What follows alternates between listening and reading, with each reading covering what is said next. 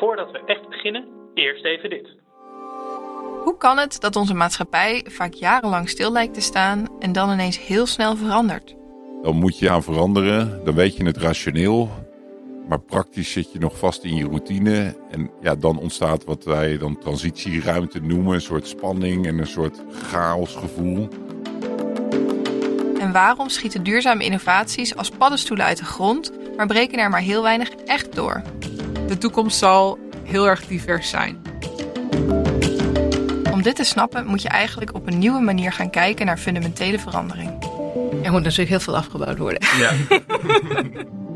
Als je wil begrijpen hoe onze maatschappij echt kan transformeren, moet je er naar kijken op de transitiemanier. Daarover gaat deze podcast. Voer voor Verandering, een podcast van Drift, de Dutch Research Institute for Transitions. Maar het leuke aan dit hok is, waarom ik het vooral blij ben dat dit onze buren zijn. De capybara's zijn de meest vredelievende dieren ter wereld. Die kun je namelijk met ieder dier samenzetten. Die kunnen met niemand niet. En eigenlijk, en het geldt ook een beetje voor de lama's en de tapirs. Dit is gewoon het hok waar, waar ze alles bij elkaar... Dus de lama's zaten hier ook eerst niet. Die zijn er later bijgekomen, omdat er plek moest komen. En deze accepteren alles. Vind ik heel mooi. Ja, Lieve keurt het goed. Ja, dan, dan, dan Ja, keuren wij I het ook like goed. it. Ja, Heerlijk met de deur open te zitten, toch? Ja, top. Gaan we beginnen? Welkom bij Systeem op de Schop, de podcast van Social Enterprise NL. Wij zijn de beweging van ondernemers voor wie impact voorop staat. Mijn naam is Stefan Panhuizen, directeur van Social Enterprise NL en host van deze podcast. Vandaag zijn we weer in het mooie kantoor van Rubio Impact Ventures. En misschien hoor je artiesten wel op de achtergrond, want het is lekker weer en de deur staat open. En vandaag hebben we een, een bijzondere aflevering, want we hebben een primeur. We hebben voor het eerst twee gasten. Dat zijn, te weten, eh, Jasper Kool en David Jansen van Social Capital. Welkom. Dankjewel. Dankjewel. Goed dat jullie er zijn. En natuurlijk is ook Willemijn Verloop weer aanwezig. Willemijn, welkom. Fijn er te zijn. En leuk, twee gasten. Verheug me daarop. Precies, ik ook. Ik ook. En eh, ja, we gaan, jullie, we gaan beginnen met jullie eh, de traditionele eh, beginvraag. Wat is nou een, een goede actie in je, in een goede, leuke, kleine persoonlijke actie die je hebt gedaan waarvan je denkt, hé, dat moeten anderen ook even weten. Komen ze meteen in, eh, in good vibes. David begint. Wat ik, Ja. zelf, wat ik zelf wat leuk vind, is een beetje gestolen van mijn, eh, van mijn vrouw, is dat je af en, toe, eh, af en toe een zwerver moet knuffelen. Dus we hadden laatst een eh, directieoverleg met, met de directie van Heineken Nederland. En toen was ik, ik was te vroeg, meld uit te vroeg. En toen stond ik op het stationsplein. En er stond daar iemand en die moest, kwam met de standaard pitch. Ik moet ergens overnachten. En toen zei hij, ik heb 7 euro nodig voor de overnachting. Dus dan gaf ik hem de 20. Toen kreeg een dikke knuffel. En ging ik daarna met de Heineken-directie om tafel. Ik vond het een mooi contrast.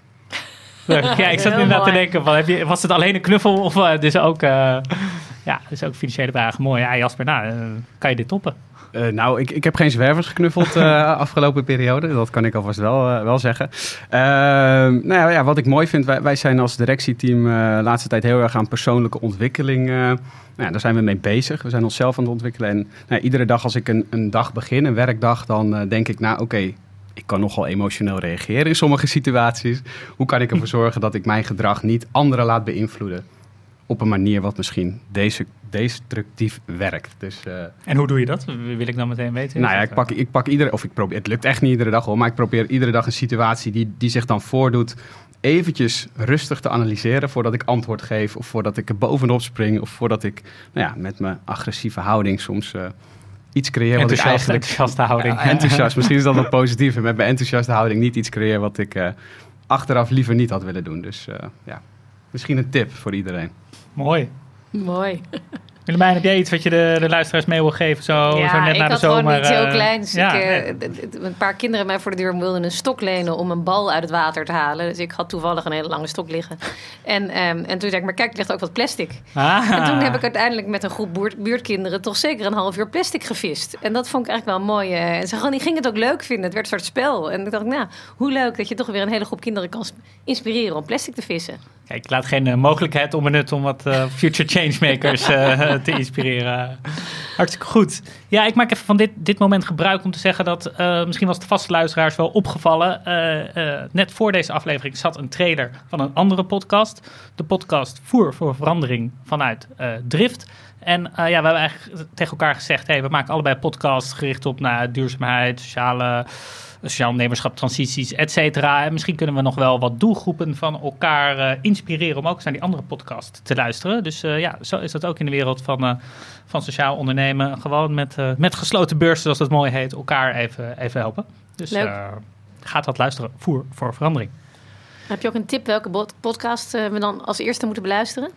Nou, het gaat heel erg over, over transities. En ook wel de transitietheorie. Dus als je daar, daar niet zo bekend bent, mee bent, dan is de eerste met, eh, met Dirk Loorbach, wat een beetje de guru is van eh, de transitietheorie momenteel, eh, is, een, eh, is een hele interessante. Dus, eh, ik weet niet hoe die heet, maar gewoon de eerste aflevering. Oh. Oké, we gaan beginnen. En nee, eh, Jasper, David, we gaan het heel erg over, over social capital hebben. We gaan het ook over hebben wat dat is, want het is eigenlijk een groep bedrijven, et cetera. Maar we willen jullie natuurlijk nog beter leren kennen eh, na deze mooie persoonlijke acties. Ehm, wat ik dan doe, dan, ja, dan duik ik altijd in iemands cv, eh, LinkedIn, Google, eh, hoop dan wat leuks op te duiken. En, eh, David, ik heb volgens mij, volgens mij heb ik het ergens gelezen of in een andere podcast gehoord. Je hebt gewerkt in het, eh, in het oudste Jenever proeflokaal van, eh, van Nederland in je studententijd, eh, volgens mij. Wat, wat heb je daar nu in je huidige werk? Je denkt, hé, hey, dat heb ik daar geleerd, dat, ik, dat neem ik mee. Nou, ik, ik las de vraag in, eh, in de voorbereiding. Dat is eigenlijk een hele goede vraag. Want ik word wel eens bekritiseerd omdat mijn, eh, ik van origine uit de recycling en sociale werkgelegenheid kom. Terwijl nu ook heel veel horeca-concepten draaien. En ik mij altijd verschuil onder het, daar weet ik niks van. Eh, en toen eh, heeft toevallig Jasper die zei, ja, je moet eigenlijk gewoon je ervaring die je wel hebt, gewoon benutten om eh, te vertellen hoe gaaf eigenlijk dat ook was. En wat je daar dus leert is een stuk, eh, ja, toch weer gastvrijheid management. En hoe belangrijk het is om die verbinding in de horeca met elkaar te zoeken. En eh, dat ik daar eigenlijk dus wel die kennis en expertise heb opgedaan die ook nu nodig is aan de andere kant van het bedrijf. En dat ik dat gewoon mag benoemen. Dus bij deze. Check. Ik dacht misschien iets over hoe je de hele dronken mensen een soort de bar uit te werken. Maar, eh. Kom voor een keer. Hey, eh, eh, Jasper, jij eh, nou, je hebt hotelschool gedaan en, en, en met eigenlijk eh, ja, vrijwel di- direct daarna heb je Tosti begonnen. Was jij, wist je ook altijd, nou, ik ga echt iets voor mezelf beginnen. Ik word ondernemer. Eh, ja, dat wist ik eigenlijk al, eh, al heel snel. Zeker eh, toen ik de tendens van de studie proefde. Die ging heel erg over geld verdienen en over winstmaximalisatie, upselling. Alles wat maar te maken heeft met, eh, ja, met een businessmodel gebouwd om geld verdienen. En heel veel businessopleidingen zijn, het- zijn daar natuurlijk op gericht. Maar ik wist al heel snel dat voor mij eh, ja, het opzetten van een mooi bedrijf of het, of het runnen van een onderneming veel meer waardes heeft dan alleen maar geld verdienen. Hè, de waardes liggen voor mij eh, ook de waardes in mijn leven, die, die hebben niet met geld te maken. Die hebben te maken met hè, hoe gelukkig ben ik, hoe gelukkig is mijn omgeving, hoe gelukkig kan ik anderen maken, wat is daarvoor nodig, wat vind ik leuk om te doen. Ja, en ik dacht eigenlijk wel, ja, laat ik eens En was daar kijken. te weinig aandacht voor op de hotelschool? Ging daar echt over, kan je, wat als we die wifi nou apart factureren, eh, hè, verdienen we weer wat meer? eh? Nou ja, laat ik, laat ik vooropstellen dat ik denk dat het in heel veel opleidingen, zeker de traditionele opleidingen, daarom draait. Eh, hè, ga, naar een, ga naar een doorsnee marketingopleiding en ja, er wordt jou geleerd hoe je door middel van marketing meer geld kan verdienen. Ehm, ik denk in de huidige wereld, en dat dacht ik ook al eh, toen ik begon met ondernemen, dat het, ja, dat het dus om veel meer dingen draait. En nou, specifiek ook op de hotelschool dan superleuke opleiding. Ik heb echt de beste tijd van mijn leven gehad, vooral met de medestudenten en, en, en de gezelligheid naast de opleiding. Maar ja, het was wel eh, altijd weer gericht op dat, op dat, dat ene ding. En ik wist wel van ja, dit wil ik anders doen. En ik wil kijken of we iets kunnen verzinnen, een bedrijf kunnen bouwen. Waarbij eigenlijk de waardes anders liggen. Ik, ik ben echt niet zo groen achter mijn oren dat ik niet snap dat je winst moet draaien om, om, om je bedrijfscontinuïteit te borgen. Maar ja, ik denk dat je je bedrijf, als je dat op een andere manier inricht en focust op andere kernwaarden, dat je dat stukje automatisch erbij krijgt. Ja, en was Happy dan meteen je eerste bedrijf na de hotelschool? Of zat er nog iets tussen? Ja, nee, Ja. Ik, ik heb stage. Ja, het was mijn eerste bedrijf. Ik heb daarvoor geen, geen ander bedrijf gehad. Ik heb wel stage gelopen bij een organisatie en daarna nog even blijven plakken voor een aantal maanden. Waar het weer ging om, om, om, om, om dat hele geldbeluste stukje. En toen wist ik echt bij mezelf: ja, dit is, dit is. Zelfs de directeur van dat bedrijf zegt: ga alsjeblieft voor jezelf beginnen. Want jij, bent, jij hoort niet in deze wereld thuis. Dus eh, dat was het schopje wat ik nodig had. Ja. Ja. En, en David, hoe was jij bij dat schopje gekomen? Dat was dus niet de Jeneverwinkel. De Jeneverbar. Nou ja, nee, niet, het was niet eh, het was het oudste nevenproeflokaal van Amsterdam trouwens. Het zit achter, eh, achter de Dam. Het Oh, die is heel daar- leuk. ja, ik heb daar ook een vat aan de muur. weet je ook weer? Ja, de drie flesjes. Ik heb, ik heb, ik heb daar ook, ik heb, ik heb daar ook een, ik heb daar ook een vat, vat aan de muur. Dus, Om het eh, helemaal inside te maken, er zit, er zit zo'n taarttent naast. die Ja, van de drie gaafjes. de drie gaafjes ook, ja, geweldig. echt heel goed. eh. Geweldige plek. Ik heb, bos, ik heb boswandeling in mijn vat. Dus vraag maar gewoon een sleuteltje van David. Dan komt het helemaal goed. Nou ja, ik wist... eh, ik was, voor mij was het een beetje onduidelijk wat ik ging doen. Ik deed een aantal... Ik werkte dus bij, de, bij het proeflokaal en bij een, eh, bij een zaak voor miniatuursoldaatjes. En toen kreeg ik een belletje van, eh, van de eh, eigenaar-oprichter van Milieuwerk destijds... of ik het niet leuk zou vinden om daar te gaan werken. En ik wist niet precies wat ik ging doen. En dat klonk wel leuk. En dat was een beetje light. Ik kon er een beetje stage gaan lopen. En dan kon ik al mijn andere dingetjes ook nog blijven doen. Maar waarom belde die jou dan? Eh, hij wilde mij omdat ik was de, eh, de ex van de dochter van zijn vriendin. En die Oh, had, ja. en die had, die had, ik heb het wel vaker verteld, een beetje een gek verhaal. Die zei, eh, dus die, die, die vriendin van hem, die zei, ja, David, eh, die werkt altijd in de HEMA, dus die snapt mensen wel een beetje met van alles en nog wat. En die fietst altijd op de zes voor het goede doel. Dus hij heeft wel doorzettingsvermogen. En hij doet iets met die poppetjes, dus hij heeft ook al strategisch in zich misschien die hem eens vragen. Het is niks met milieu of... Nee, nee, oké. ik heb mijn hele leven meewind. Ik ben niet links nog duurzaam opgevoed. En ik ben er gewoon achter gekomen dat mensen helpen is echt helemaal te gek. Ik vind de overheid helemaal, helemaal gaaf. En ik vind systeemverandering eh, door op microniveau je omgeving te beïnvloeden, vind ik ook helemaal het einde. Dus eh, ja, dat, dat, dat is gewoon geëscaleerd tot waar we nu staan. Leuk. En we gaan, ehm, want het, het kan een ingewikkelde aflevering worden, zeg ik even gechargeerd. Want ehm, social capital is eigenlijk een bundeling van, eh, van bedrijven. Eh, zeg ik dat goed? En, en misschien is het wel goed dat jullie die bedrijven dan ook even kort introduceren. Dan, dan komen we misschien ook wel weer op hoe jullie daar zijn, hè, zelf terecht zijn gekomen. Maar dan, dan begrijpt de luisteraar wat hier allemaal eh, gebeurt.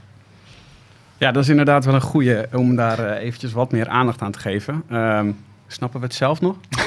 Elevator pitch. Jasper. Eh, nee, wij kwamen bij elkaar in, eh, volgens mij was het 2019. En daarvoor is er natuurlijk al heel veel gebeurd aan, zeg maar even, de Happy Tosti kant van de organisatie. Van, van Wiebe Smulders, mijn compagnon. En aan de kant van Milieuwerk, eh, waar Wouter en, en David natuurlijk actief waren. En nog steeds zijn. Ehm, maar voor die tijd hebben we de twee bedrijven aan zich. En, en onder Happy Tosti groep vielen ook nog dan eh, Lekker Brood, onze biologische bakkerij. En Juni Lekkernijen, een, een cateringbedrijf, een, een no-food waste cateringbedrijf. Dus dat is echt de horecakant. En de milieuwerkkant, ehm detacheringsbedrijf in de afvalrecyclingssector, die kwamen in 2019 bij elkaar.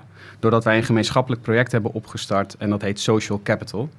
Ehm, waarbij het eh, grootste, de grootste bierproducent van Nederland eh, ons heeft geholpen met Volgens een, mij eh, mogen we de naam noemen. Ja, mag dat? Oké. Heineken heeft ons geholpen bij de dit, opstartfinanciering. dit is geen NPO-podcast. Dus, Nee. dus, eh, Oké, nou dan, dan noem ik het gewoon. Heineken heeft ons geholpen bij de opstartfinanciering. En ehm, ja, dat was eigenlijk een... eh we kunnen er nog veel meer over vertellen, maar dat komt misschien zo nog eventjes. Dat is eigenlijk een heel mooi, mooi project om te kijken hoe wij samen zouden gaan, gaan werken met de organisaties eh, bij elkaar. Of in ieder geval de krachten van ons, ons vier als directieteam bij elkaar gebundeld. En in de coronacrisis eh, hebben we eigenlijk eh, de keuze gemaakt om alles op één hoop te gooien. Daar zijn verschillende redenen voor, daar kunnen we misschien zo nog wat dieper op ingaan. En nu sinds een jaar ongeveer is dat officieel ook juridisch eh, en financieel helemaal afgewikkeld. En dit jaar zitten we in het transitiejaar om eigenlijk van alle verschillende merken en eh, verschillende bedrijfsonderdelen één organisatie te maken. Om de cultuur ook zo te creëren dat het één eh, vloeiende organisatie is en wordt met allemaal eigen afdelingen. En ja, waarbij de verantwoordelijkheden en de taken belegd zijn bij de juiste mensen.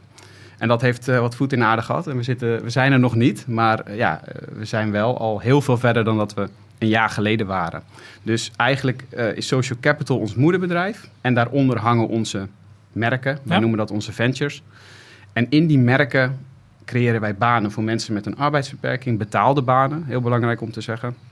Die mensen die ontwikkelen zichzelf door onze jobcoaches, door onze, nou ja, onze trainingsmethodes natuurlijk, naar waardevolle mensen op de arbeidsmarkt, eh, waarna wij ze vervolgens kunnen detacheren naar externe werkgevers, wat wij onze partners noemen, om ze daar nou, een nog leukere baan te kunnen geven of een baan die nog beter past bij hun toekomst. Dus wij creëren eigenlijk ons eigen opleidingssysteem door ze te laten werken in onze eigen bedrijven. En als ze klaar zijn voor een externe werkplek, dan detacheren wij ze naar externe partijen waar wij ook weer de jobcoaching blijven doen.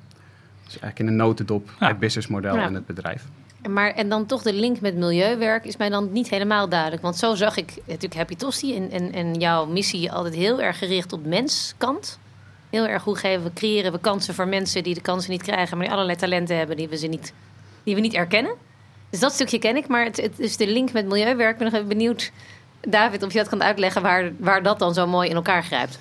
Ja, dus op zich is het best wel eenvoudig. De, de, de expertise van, eh, van Jasper en Wiebe zat hem in de horeca-exploitatie. En later is uitgebreid met uh, bakkerij en catering. En het langzaam is dat weer een beetje aan het uitwaaieren.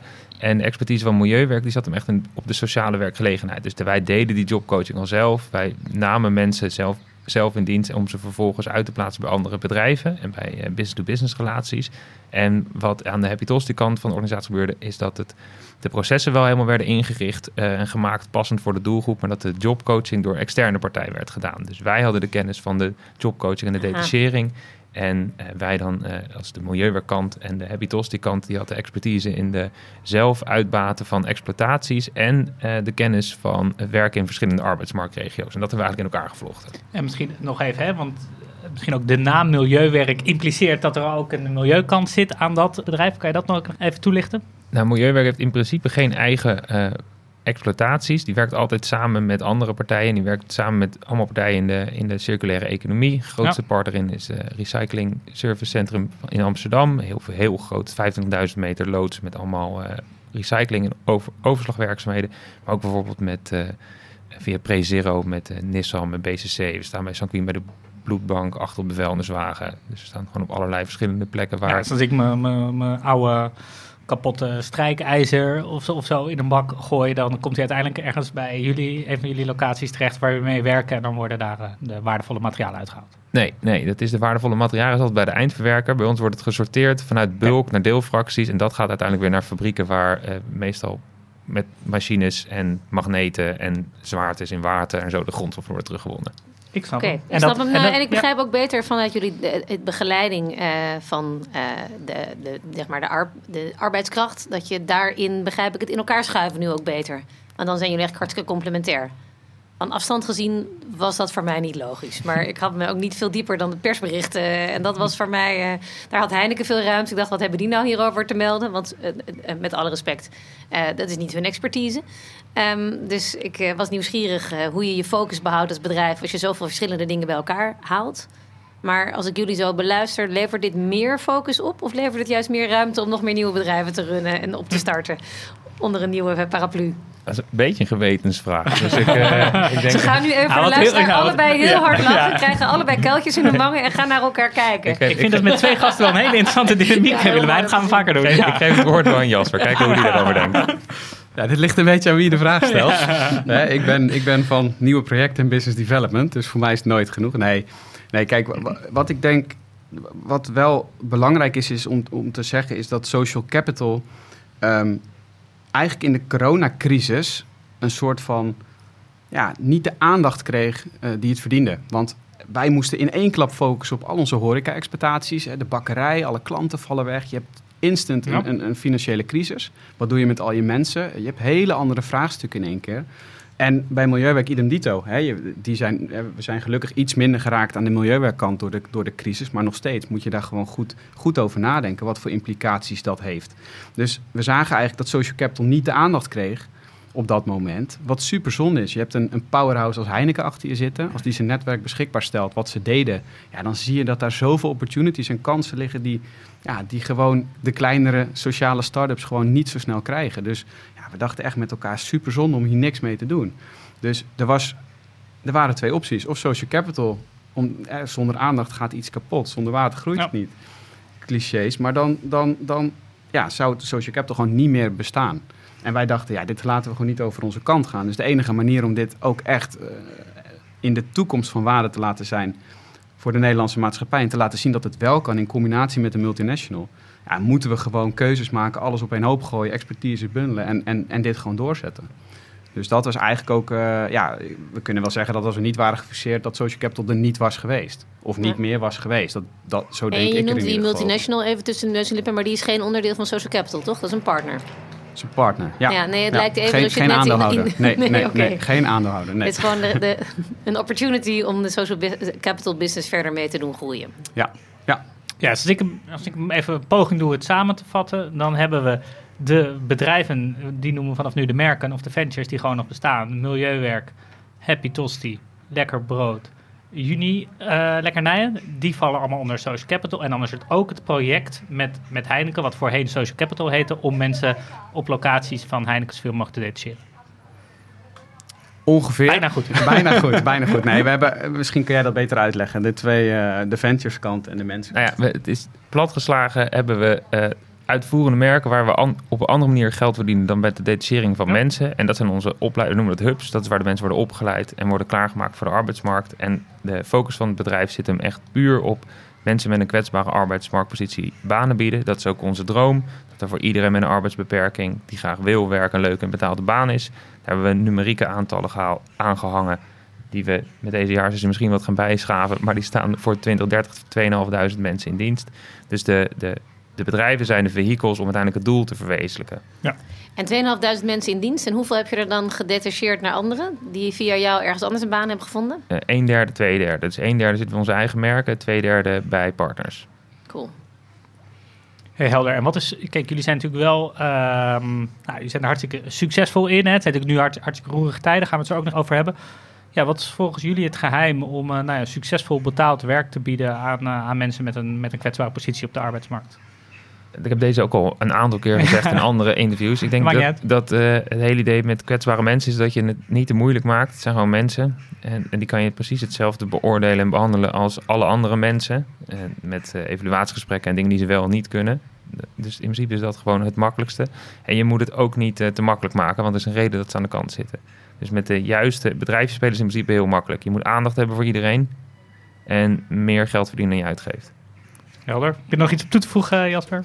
Eh, dat heb ik zeker. Eh, wij hebben een aantal kernwaarden in ons bedrijf. En eigenlijk de eerste, die heet ook regel 1, eh, doen wat je leuk vindt. Ehm, en die geldt uiteraard voor onszelf, maar zeker ook voor iedereen die bij ons werkt. Of met ons werkt, onze partners. Je moet vooral doen wat je leuk vindt. En dat, dat kunnen wij nu ook creëren in ons bedrijf... doordat wij zoveel verschillende type banen aanbieden. Van productiemedewerker, inpakker, chauffeur, tostibakker... iemand in de afwas, spoelkeukens, eh, keuken, gewoon koks, alles. Barista's, wijnkenners, bierkenners, noem het maar op. Je kan bij ons heel veel, denk ik, heel gevarieerd eh, jezelf ontwikkelen. Dus je, je kan altijd wel iets vinden of iets tegenkomen in de organisatie wat je leuk vindt. En mensen uit de doelgroep die eh, moeten het vaak maar doen met wat de gemeente hun opdraagt om te doen. En als je eenmaal bij ons aan boord bent, ja, dan gaan wij natuurlijk kijken hoe wij een zo'n leuk mogelijke positie voor jou als persoon kunnen creëren. En ik denk dat daar ook de kracht van onze organisatie ligt. Dat wij een soort positie innemen van het nou ja, oude SW-bedrijf. Dan wordt het misschien wel heel technisch. Maar eh, wij zijn echt die terugvalplek. Als mensen die wij extern ook wegzetten...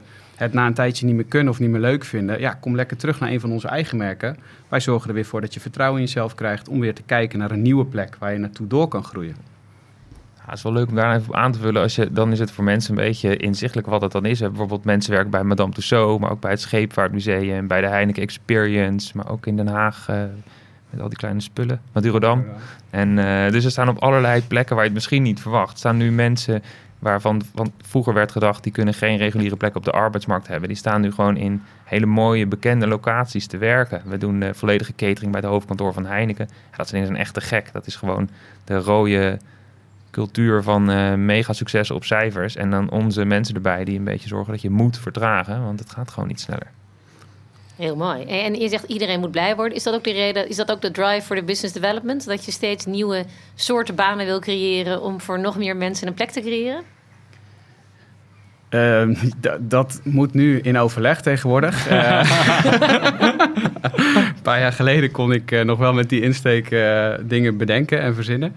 Nee, ik denk ook wel dat het helemaal geen verrassing is en uit ervaring kunnen spreken dat sociaal ondernemen is super moeilijk. Een winstgevend sociaal bedrijf opstarten, dat lukte maar heel weinig.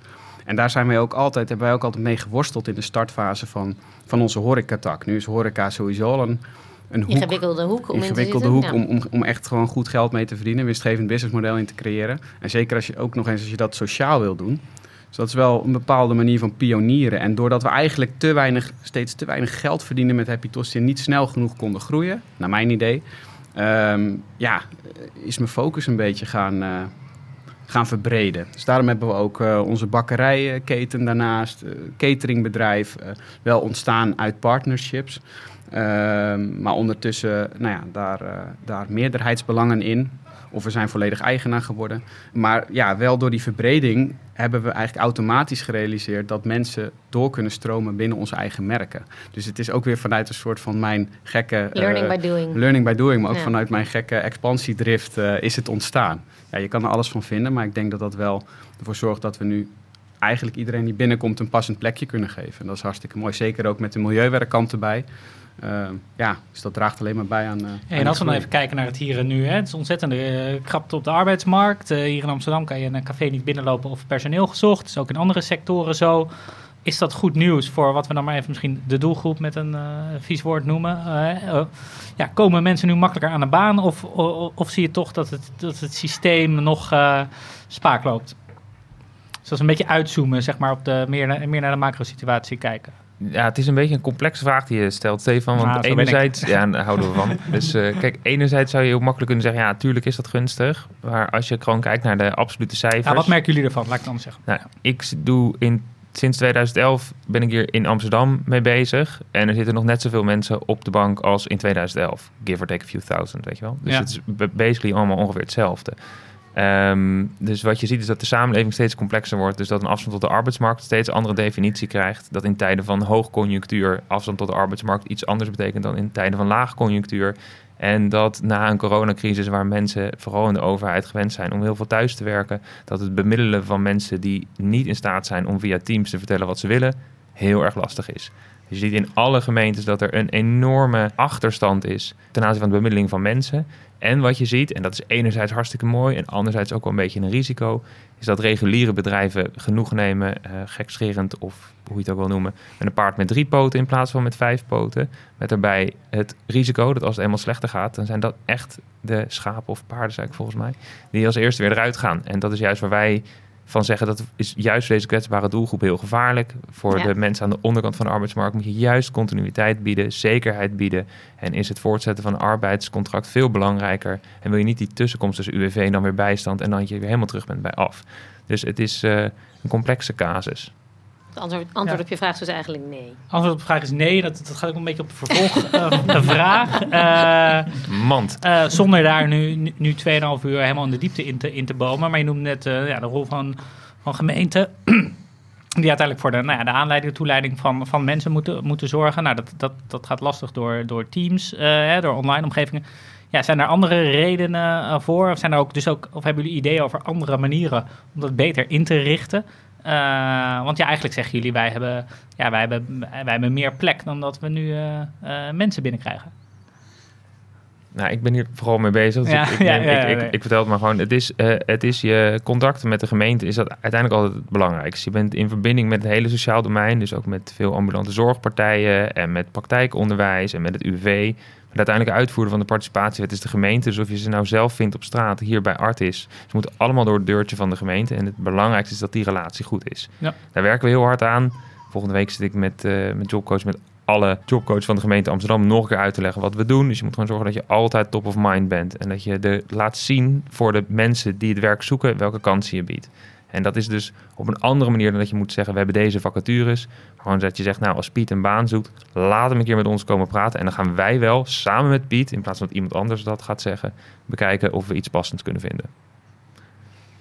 Hey, en hoe, hoe kijk jij hier naar Willemijn, ook vanuit investeerdersperspectief misschien? Je, eh, ja, wel heel graag in dit soort clubs zou willen, willen investeren. En op hetzelfde moment zie je misschien ook, ja, een deel van de, van de impact is dus afhankelijk van andere, andere partijen. Nou, ik denk wel dat het, het dat vanuit het investeringsperspectief zoals ik dat heb, waarin je in snel groeiende bedrijven eh, eh, flink wat kapitaal wil doen om heel snel schaal te bereiken. Ik denk dat dat niet past op het model zoals jullie het uitrollen.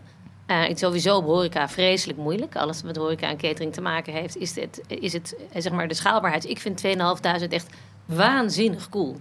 En een waanzinnig mooie target.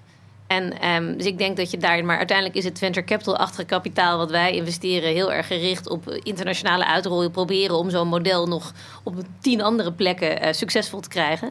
De vraag is of dat kan. De vraag is of, en dat is misschien meteen een vraag aan jullie. Ja. Ik denk dat je hier nog veel eh, meer geduldig kapitaal nodig hebt. Wat, ehm, eh, minder snel.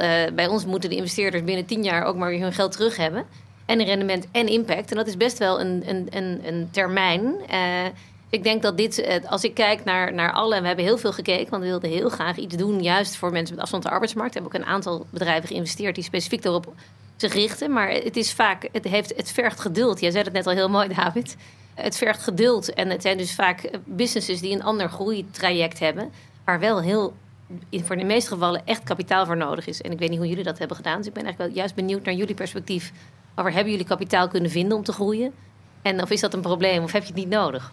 Jasper Nou ja, is weer aan de beurt. ik, eh, ik pak de microfoon. Ja. Nee, de, de huidige, de huidige financieringstraject of het, of het begeleiden daarvan, het aansturen van, dat ligt niet bij mij. Dat, eh, dat doen eh, Wiebe en, eh, en David vooral. Maar ik kan wel vanuit het verleden zeggen dat het ons nooit is gelukt om een financiering op te halen voor de volledige keten.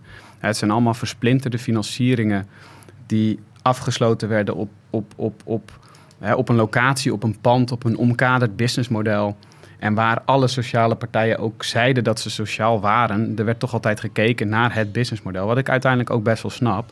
Ik denk wel dat er heel veel verbeterd is in de afgelopen jaren. Maar ja, het is ons nog niet gelukt om die versplinterde financiering, om die als pakketje bij één partij neer te leggen, die ons daar gewoon in helpt. En natuurlijk, eh, horeca heeft heel veel klappen gehad de afgelopen jaren. Dus ik snap ook wel dat daar een bepaald risico in zit. Maar ja, ik, kijk, ik denk dat wij zeker met de winstgevende zaken die wij ook gehad hebben, eh, ook een aantal niet succesvolle zaken, eh, maar met de winstgevende zaken die wij gehad hebben en de sociale doelstellingen die we hebben behaald, ja, dat wij daar nooit echt een, een degelijke ketenfinanciering mee hebben op kunnen halen. Dat vind ik echt, dat vind ik echt heel erg schraal. We kunnen allemaal roepen dat we sociaal ondernemerschap in Nederland een warm hart toejuichen. Nou, eh, het komt toch altijd weer neer op die koude cijfers. En zelfs de banken die zeggen dat ze in sociale projecten willen willen, eh, willen stappen, eh, kijken uiteindelijk toch naar wat er onderaan de streep overblijft. Dus er moet een andere manier gevonden worden om gecertificeerde sociale ondernemingen met bepaalde groene, duurzame, weet ik het, menselijke doelstellingen, om die op een andere manier te waarderen. En ik denk echt dat we daar met z'n allen wel naartoe op weg zijn. Maar ja, eh, Ja, en zien jullie dan om daar gelijk op te reageren? David zit heel hard te lachen. Ik wil heel graag horen waarom je nou zo hard moet goed, lachen. goed. Nou ja, ik vind het wel mooi. Dit is eh, een van de redenen dat Wiebe en ik deze, deze trajecten doen met financieringen. Is dit, eh, dit zijn delicate, gevoelige processen. En eh, die doen Wiebe en ik altijd. Er zit een, eh, er zit een hele grote, dus echt een transitie gaande van eh, hoe hier naar wordt gekeken. We hebben in Den Haag net een traject gedaan met het Sociaal Innovatiefonds en Fonds 1818 voor echt wel forse investering. Eh, ongeveer een half miljoen. We zijn eh, met de Rabo Foundation, die zit ondertussen voor, eh, voor echt wel wat stevig eh, zes nullen kapitaal in het bedrijf. We zitten met Doen, met Start. Het zijn allemaal partijen die echt wel echt meedenken. Dat zijn in principe nog de kleine Ja, partijen. het is een soort venture philanthropy. Maar, die, die, ja, die maar dat zijn wel de, de Ja. koploper Dat eh, zijn- venture philanthropy partijen die op arbeidsparticipatie richten. En die hebben jullie allemaal binnen. Ja, we zijn nu met, eh, samen met FNO ook echt een nieuwe investeringsvormen aan het uitwerken en bedenken. Ook met het SIF, waarbij impact echt wordt meegewogen als onderdeel van je rendement. En dat gaat dan echt wel over, eh, over eh, bedragen van meerdere miljoenen. Dus we zijn wel echt langzaam die kant in aan het gaan. Ja, want dan gaan we dus eigenlijk naar, naar wat ook wel resultaatfinanciering De resultaatfinanciering op impact. En dat is ook het gesprek hoe we het nu met Heineken voeren en met deze partijen. En dit wordt het mooie van deze constructies is dat je als je daarin ehm, gedeelde financiering gaat doen van projecten, dan wordt het interessant om een keer met Willemijn op tafel te zitten en zeggen, nou, een FNO wil hier het risico nemen met eh, risicodragend kapitaal, wat lang mag blijven zitten, met een laag rendement. Eh, en dan kan je gaan kijken hoe kunnen we dat aanvullen met, met sneller venture capital, wat eerder terug moet op een andere manier. Als daar ook weer meer tegenover staat, waarschijnlijk met openstellingen van netwerk en expertise. Dus het, het gaat Ja. echt, er is echt duidelijk een, een, een change aan de gang. En het is Ja. echt heel fascinerend. Het gaat over steeds grotere bedragen. En de key is voor dit is dat we laten zien dat het kan en dat je uiteindelijk je geld terugkrijgt. Of het nou van ons is of de overheid, dat maakt mij niet zoveel uit. En dan, dan, kan, je die, dan kan je gaan schalen. En ik denk dat van, voor de meesten dat het vertrouwen in jullie er wel is, maar dat het voor de meeste investeerders eh, de overheid het probleem is. De onbetrouwbaarheid van de overheid en een aantal van deze trajecten en afhankelijkheid van de overheid voor het succes van, de, van een aantal van deze businessmodellen is voor een heleboel zeg maar, niet-venture philanthropy investeerders het probleem. Want die zitten, zijn net zoals jullie ondernemers, die hebben ook geld van anderen wat ze moeten investeren waar ze impact en een stukje rendement op moeten maken. En dan heb je als een overheid van een hele onbetrouwbare partij. Dus het is zo knap wat jullie doen, dat jullie de balans weten te houden tussen je eigen ondernemerschap en toch die overheid meenemen met alle obstakels die dat met zich meebrengt. Want dat is Nou ja. echt een, een, een enorme extra hindernis in mijn ervaring van de hoeveelheid bedrijven die ik heb gezien die in dit domein werken. Het is, het is enerzijds een enorme hindernis, maar anderzijds is het een van de grote stakeholders en de partij die het meest winst maakt op basis van de interventie die wij doen. Om het in, in saai jargon, Zeker. Ja. saai jargon. Dus als zij, als zij de 25% van de winst op de interventie die wij doen zouden herinvesteren in het businessmodel, ja, dan krijg je echt hele mooie cijfers. En dan is het geen enkel probleem om vervolgens om tafel te gaan zitten, is hoe gaan we er regulier geld in krijgen in de markt als je ze zo aanhaakt. Dit is voor ons ook de hoofdreden dat we met het SIF zaten, om dat te agenderen bij sociale zaken. Ja, want het, het, werkelijke zeg maar, rendement voor de overheid van een heleboel sociaal ondernemers is. Ervaring bij Social Enterprise NL in wordt zelden goed doorgerekend. Want dat zit dan weer verkokerd in een aantal loketten. En ieder loketje heeft misschien een klein beetje voordeel. Maar pas als je het over al die loketten samen optelt, dan kan je zien wat een gigantische casus dat eigenlijk is. Maar zo, zo holistisch wordt er helaas zelden gekeken. Ja, en je, en je moet het dan, hè, om het even nog complexer te maken, want het is natuurlijk wel een paar keer geprobeerd. Maar ja, je moet het dan, eh ja, je moet er dan afspraken maken, het goed op papier krijgen. Hè, eh, ja, Ja. Hoe ga je het controleren? Wat als die mensen na een half jaar naar de afspraken weer uitvallen, et cetera. Maar ja, het volgens mij is het overduidelijk dat, dat we met z'n allen die kant op moeten bewegen. Maar zitten we nu in de fase dat daarmee gepioneerd moet, eh, moet worden. Daar, eh, daar hebben jullie een heldere rol. is echt te gek om te doen. Dus eh, Ja, ik, nou, dat, en- een van de, mijn, mijn grootste dingen van het ondernemerschap is zorgen dat dit uiteindelijk lukt. Dat is de syste- waar we staan uiteindelijk voor dat die, eh, die hele arbeidsmarkt, dat daar Ja. voor iedereen met een kwetsbare arbeidsmarkt een leuke baan is. Wij noemen zelf 2.500, dus het is bij lange na niet bij ons allemaal. Maar als het ons lukt om die systeem op de schopachtige verandering, om dat voor elkaar te boksen, ja, dan ook al zijn het dan straks maar 500 banen, dan hebben we echt de, echt de, de samenleving veranderd. Nou, dat zou Ja, wel... maar 2500 vind ik op schaal. Eh, Nee. gezien wat, als je kijkt naar alle initiatieven waar, waar die in Nederland plaatsvinden, gaat het, zijn allemaal even goed en bijzonder en ongelooflijk fijn dat ze er zijn. Maar het gaat over veel lagere getallen. Dus het moment dat jullie een model hebben gevonden waarin je nog meer mensen kan opnemen. En zoals jullie net zegt, die blij worden en ook kunnen doorschuiven binnen je bedrijf en je partners. Dat is wel een uniek model. Naar wat ik heb gezien tot op heden. Ja, zeker. Maar ik haal nu even de politiek correcte kap eraf. De overheid, ik hoop dat ze meeluisteren. Ja, ze moeten toch gewoon het bal op de hakblok leggen. Als je, ja, nee, maar daar, ik, ik- ja, daar zit veel frustratie bij mij, weet je wel. Ik ben al... Zijn bijna heel visueel Vond- ingesteld. vond- Ja. vond- Ja. Vond je mij heel politiek correct over de Nee, overheid? nee, maar ik, deze discussie, kijk, dit gaat als in mijn ogen 7,5 jaar lang gaat het hierover. Hè. Ik bedoel, er is nog niks, ik heb echt letterlijk nog niks veranderd zien worden. Het zijn allemaal pilots, het zijn allemaal subsidiepotjes die ze dan alvast allokeren en dan kan het geen kwaad en dan wordt het weggeschreven onder een andere post, weet je wel. De grootste post van de Rijksbegroting gaat naar uitkeringen in Nederland. Kom op hé, als we kijken hoe, hoe hoog de werkloosheid is. Als we de krachten bundelen, los je zoveel problemen in een keten op die ook heel veel geld gaan besparen. Ja, eh, ik denk echt dat we hier gewoon met z'n allen veel sneller tegenaan moeten schoppen. En ik denk dat wij dat doen, hè. alleen in mijn ogen gaat dit echt veel te langzaam. Ik denk dat wij dit als een van de pionierbedrijven in Nederland doen. Dat, dat, nou, Zo'n financiering met het SIF toont dat ook wel aan. Alleen ja, ik bedoel, ik hoop dat veel meer organisaties dit willen doen met ons samen. Want ja, eh, anders gaan we die verandering over tien jaar nog niet zien. Ik bedoel, dat is natuurlijk ook het belangrijk, een ander belangrijk deel van de impact die je maakt, is het voorbeeld wat je geeft aan anderen. En eh, dus dat is voor mij echt, dat is hebben we hebben met Social Enterprise NL ook onderzocht. eh, hoe belangrijk die voorbeeldrol is. Want op het moment dat iedereen zegt: ja, ik heb het zeven jaar geprobeerd, die, ze veranderen daar nooit in Den Haag en ook niet in de gemeente, dus eh, forget it. En als je laat zien dat je, ondanks dat je daar eigenlijk geen echte meewerking krijgt, want je wordt in pilotpotjes, weet ik wat, toch een bedrijf te bouwen met deze schaal, is wel een voorbeeld voor anderen om het toch ook te doen. Dus ik, daarom ook zo fijn dat jullie hier zitten. Ik bedoel, dat verhaal moet je vertellen. Tegen anderen zeggen, ja, het is allemaal wel eh, ongelooflijk ingewikkeld, maar het kan wel. Nou ja, en om nog even. Hè, eh, kijk, eigenlijk is dat is een beetje. Maar zeven jaar is natuurlijk helemaal niet lang om beleid te veranderen. Dat duurt langer. En dat is, eh, eh, dat, dat is een feit. Ja, nou, dan moet Ja, nee, maar dat, dat, dat, dat is de. dat mogen we nog niet accepteren. Dat, eh, Nou, weet ik niet, want in- kijk, je kan... Ja, nou ja, goed, dit wordt, het gesprek krijgt een andere dynamiek, maar het maakt niet uit. En- Doen en- doen we daarna bij de borrel. ja, precies. Kijk, ik, ik denk, laat ik het dan zeggen. Het gevaar van het niet accepteren, te veel niet te accepteren is... Ja, je wil, kijk, als je dingen wil veranderen, dan moet je ook weten hoe je dingen verandert. En soms is daar eh, geduld bij belangrijk. Ik wil nog even naar een ander dingetje voordat ik meer naar het eh, team, dynamiek en zo.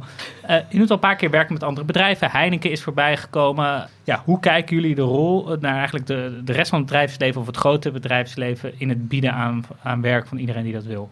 Ik kan er heel kort over zijn hoe ik erover denk. Ik denk als iedereen doet waar die goed in is, dan boek je het meeste resultaat. Dus als je een bedrijf hebt wat heel goed is in mega groot catering doen en die wil iets sociaal gaan doen, doe het samen. Ja. Met een partij die heel goed is in sociaal. En als iedereen gewoon lekker doet waar die super goed in is, dan bereik je echt verreweg het meest. Dus jij gelooft echt in die partnerships Ik met geloof bijvoorbeeld allerlei Met sociale ondernemingen? met Ja, daarbij de ja. voetnoot dat samenwerken is echt heel erg lastig. Dus mensen vinden het heel moeilijk om kaarten transparant op tafel te leggen en genoegen te nemen met minder als die. Je moet zorgen in samenwerking dat iedereen erop vooruit gaat. En dat is in de meeste samenwerking willen we toch altijd. Nou, misschien kan ik nog iets meer vooruit gaan ten koste van, van jou. En daar gaan de meeste En, en samenwerkingen aan zonder namen te noemen, maar hoe gaan die gesprekken met eh, een wille- willekeurig bedrijf, groot bedrijf X? Ik leg altijd gewoon al mijn kaart op tafel. En dan hoop ik dat ze dan zeggen, nou prima. Dan kunnen we- Wat het makkelijkste is om samen te werken, is zeggen, nou wat is je budget? Maak je dan genoeg winst? En zeggen ze ja, zeggen nou is goed, geef mij dat. Dan zorg ik dat het werkt. Maar het gaat toch ook over cultuur in die bedrijven? Ik bedoel, als je mensen wil plaatsen, gaat het, gaat het toch ook over dat de cultuur zo'n bedrijf die mensen accepteert en ruimte geeft. En ruimte geeft om te falen en nog een keer te falen en het dan toch uiteindelijk te redden. En dat is, lijkt mij, het grote zorg in die partnerships. Dat daar vaak die, een totaal andere cultuur heerst dan een cultuur zoals je die bouwt bij Happy Tosti. Dus hoe zorg je dat die cultuur in die bedrijven zodanig meewerkt om deze mensen zich veilig te laten voelen en, en daar eh, aan zichzelf te kunnen help- helpen ontwikkelen naar de volgende plek in zo- binnen zo'n bedrijf? Nou, nu haak ik even in, want ja, alle, alle kaarten op tafel, dat doen we zeker. Maar ik denk ook dat wij een, eh, al een bepaalde radar hebben ontwikkeld voor partijen die het niet vanuit een bepaalde intrinsieke motivatie doen. En dat hebben we snel genoeg door. En wat grappig is, is dat er ook al een aantal voorbeelden zijn. Ik zal geen namen noemen, maar die, zijn, eh, die, die partners die zijn eerst afgehaakt op kosten, maar die zijn later toch weer teruggekomen. En toen was kosten geen enkel dilemma meer. Maar toen, wilden ze, toen hadden ze het met het team erover gehad en wilden ze daadwerkelijk voor die sociaal-maatschappelijke impact gaan. En dat zijn, dan weet je dat een partij ook echt nou, met bijvoorbeeld het managementteam goed heeft gesproken, waardoor het ook veel beter landt. Want de directeur van een groot bedrijf, wat ook al vaker is gebeurd, kan zeggen: Ik wil dit, ik vind dit mooi. Maar ja, als de, als de mensen op de vloer dat niet accepteren, of, of geen collega in hun team wensen die net even iets meer begeleiding nodig heeft, of iets meer liefde, of iets meer knuffels, eh, dan, eh, dan, en, en het team is daar niet op ingesteld, dan gaat het niet werken. Dus wat wij doen, is wij gaan eigenlijk voordat we een partnership starten, gaan wij eh, een beetje afhankelijk van de grootte van, van de vraag en, en het aantal banen, gaan wij met onze jobcoaches meewerken. Kijken wat de processen zijn, wat de taken zijn.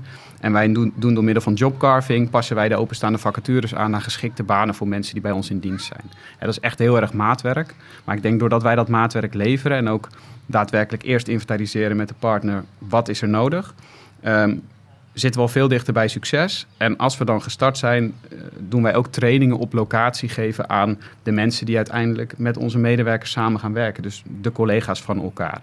En afhankelijk van nou de laag in de organisatie hebben wij ook verschillende type nou, trainingen of, eh, of tools waar ze mee geholpen zijn om met die doelgroep om te kunnen gaan. Dat is eigenlijk de, de methode.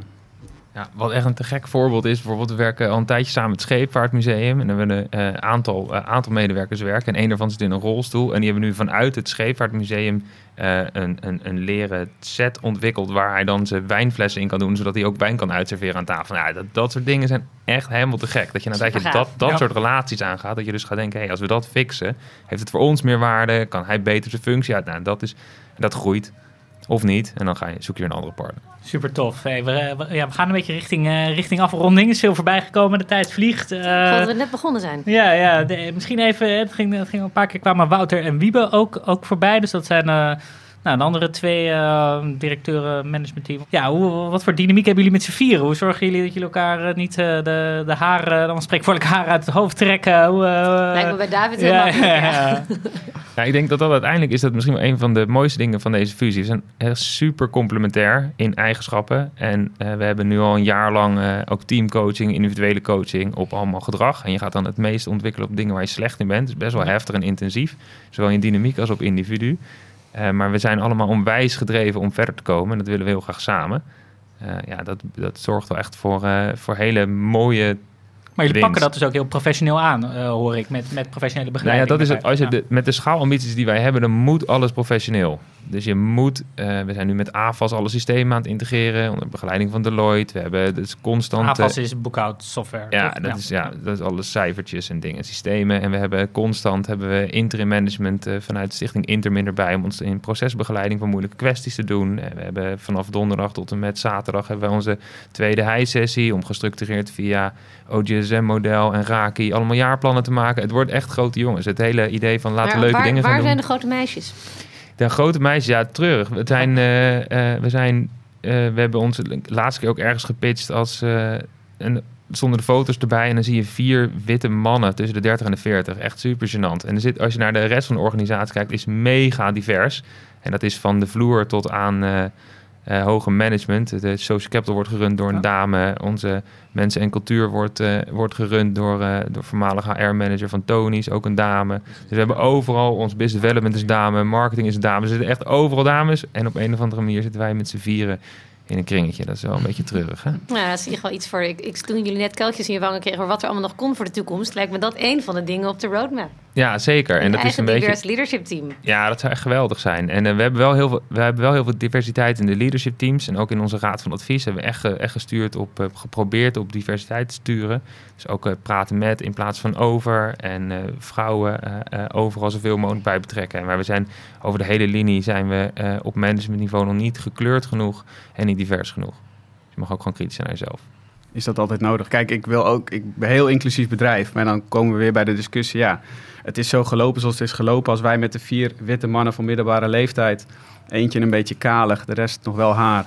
Als die met z'n vieren die 2500 banen kunnen creëren, is er dan een vrouw in het directieteam? Nou, even kijken naar capaciteit. Het liefst had ik het wel gezien natuurlijk qua, ja, die, qua jullie maken heel de, opmerking Maar- grote jongens. Zij lag, je legt hem echt wel voor open goal neer voor mij, zo ongeveer. Maar mag. Nou, het is weer, er nou jij bijna er- iedere aflevering. eh, Er is nou eenmaal zeg maar, eh, bewijs dat diverse teams beter functioneren. Dus meer diversiteit en dat is in gender en in achtergrond. En dat dat gewoon werkt. Dus het lijkt mij gewoon voor je business Eens. altijd iets brengen. Maar het- ondertussen zijn jullie met elkaar... Er zitten hier nog wat de hele diverse types eh, aan tafel.